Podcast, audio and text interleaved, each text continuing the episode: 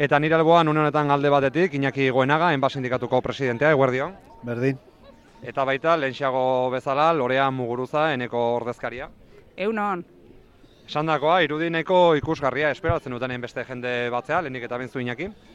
Bueno, espero nahi gendun biltzea eta bagenekin, jende mordoa detorriko zara, baina gaur ikusten nahi gena atzo gauean ez gendun espero. Bai, ala da. E, jende asko espero zan, baina gaurkoa gehiago da. Ez? Posten du, e, jende gehiago ikusteak, eta ia gure aldarria gehan beste entzuten ote dan.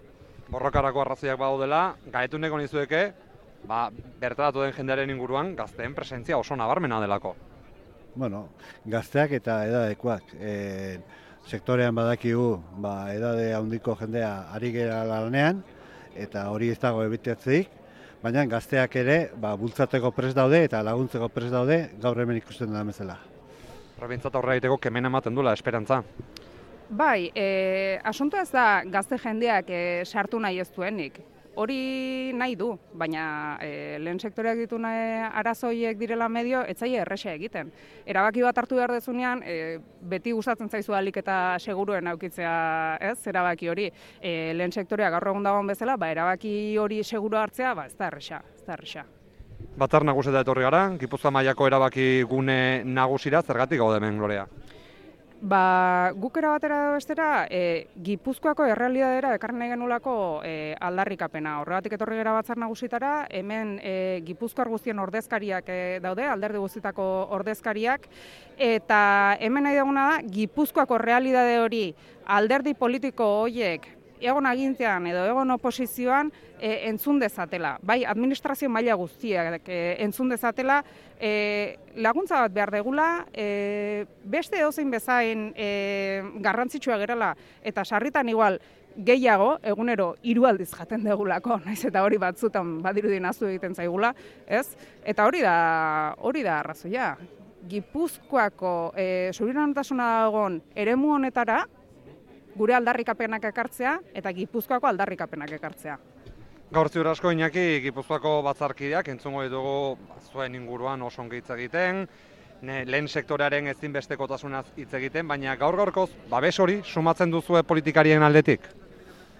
Bueno, ba, loreak esan duen bezala, ba, urrutitzen jungeatzen urteetan, ba, politikari guztien aldetik gara batean e, diputazioai bakarrik zuzentzegin nizkion edo gobernuai zuzentzegin nizkion gure eskariak.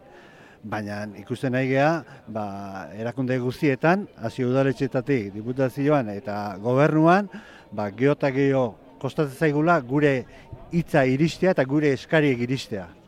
Eta horregatik, bueno, ba, gaur, gaurko egunerako antolatu gendun, ba, alderdi guztiedi, ba, erakunde batean egon, bestean egon, danak daude ba, agintean, batean ezpada bestean, eta beraidi eskaria ba, danaidi berdin eitea.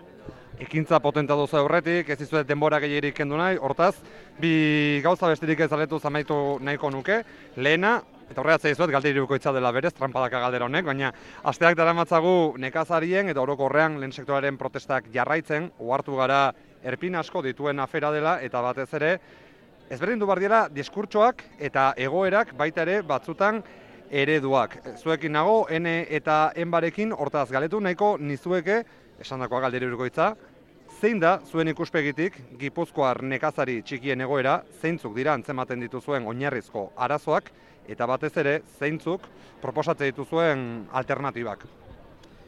E, Gipuzkoan daukagun ezaugarrietako bat da e, familia ereduko e, baserriak ditugula.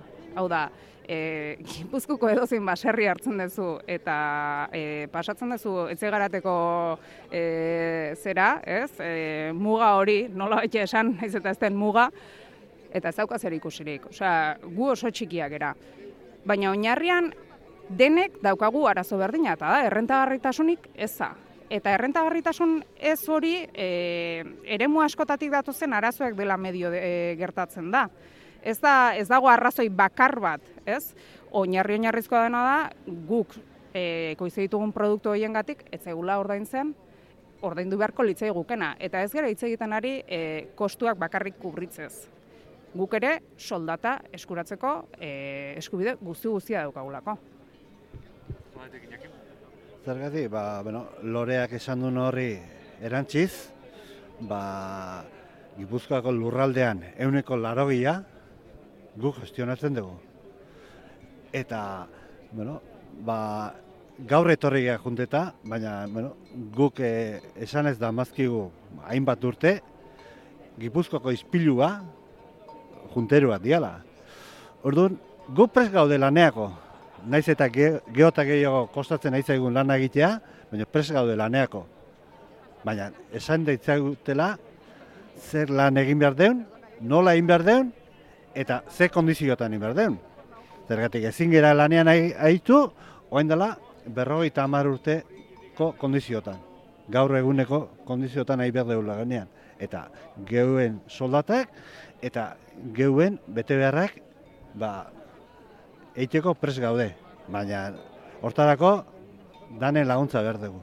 Torreatikan amaitzeko gaurkoan ene, enba eta esan bezala Gipuzako baso elkarteak dituzue protesta argi eta garbi bi sindikatu ezberdin zarete gauzak ikusteko akaso modu ezberdinak ere izan ditzakezuela baina argi eta garbi Euskal Nekazaritzaren eta kasuan Gipuzkoako nekazaritzaren kasuan aurrera egiteko batuta egin behar duzue protesta borroka ezakit.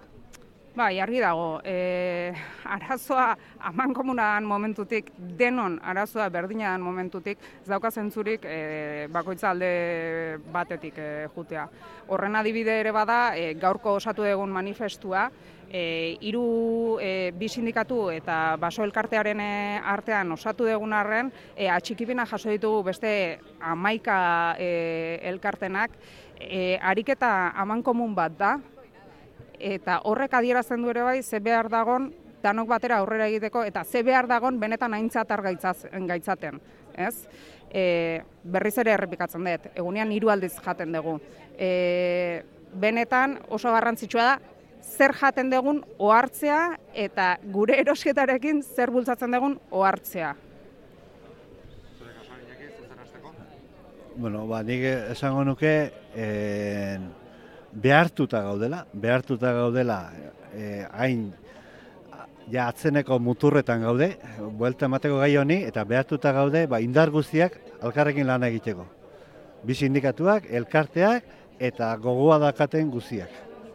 Gogoak baituzue, borrokarako arraziak baude, luze joko du borrokak, Uzen bade guzue naiz irratia bintzat hemen izango dela, Iñaki Goenaga enba sindikatua, Lorea Muguruza, ene sindikatua, mila esker biei. Bai, mila esker ere bai. Mila zuei.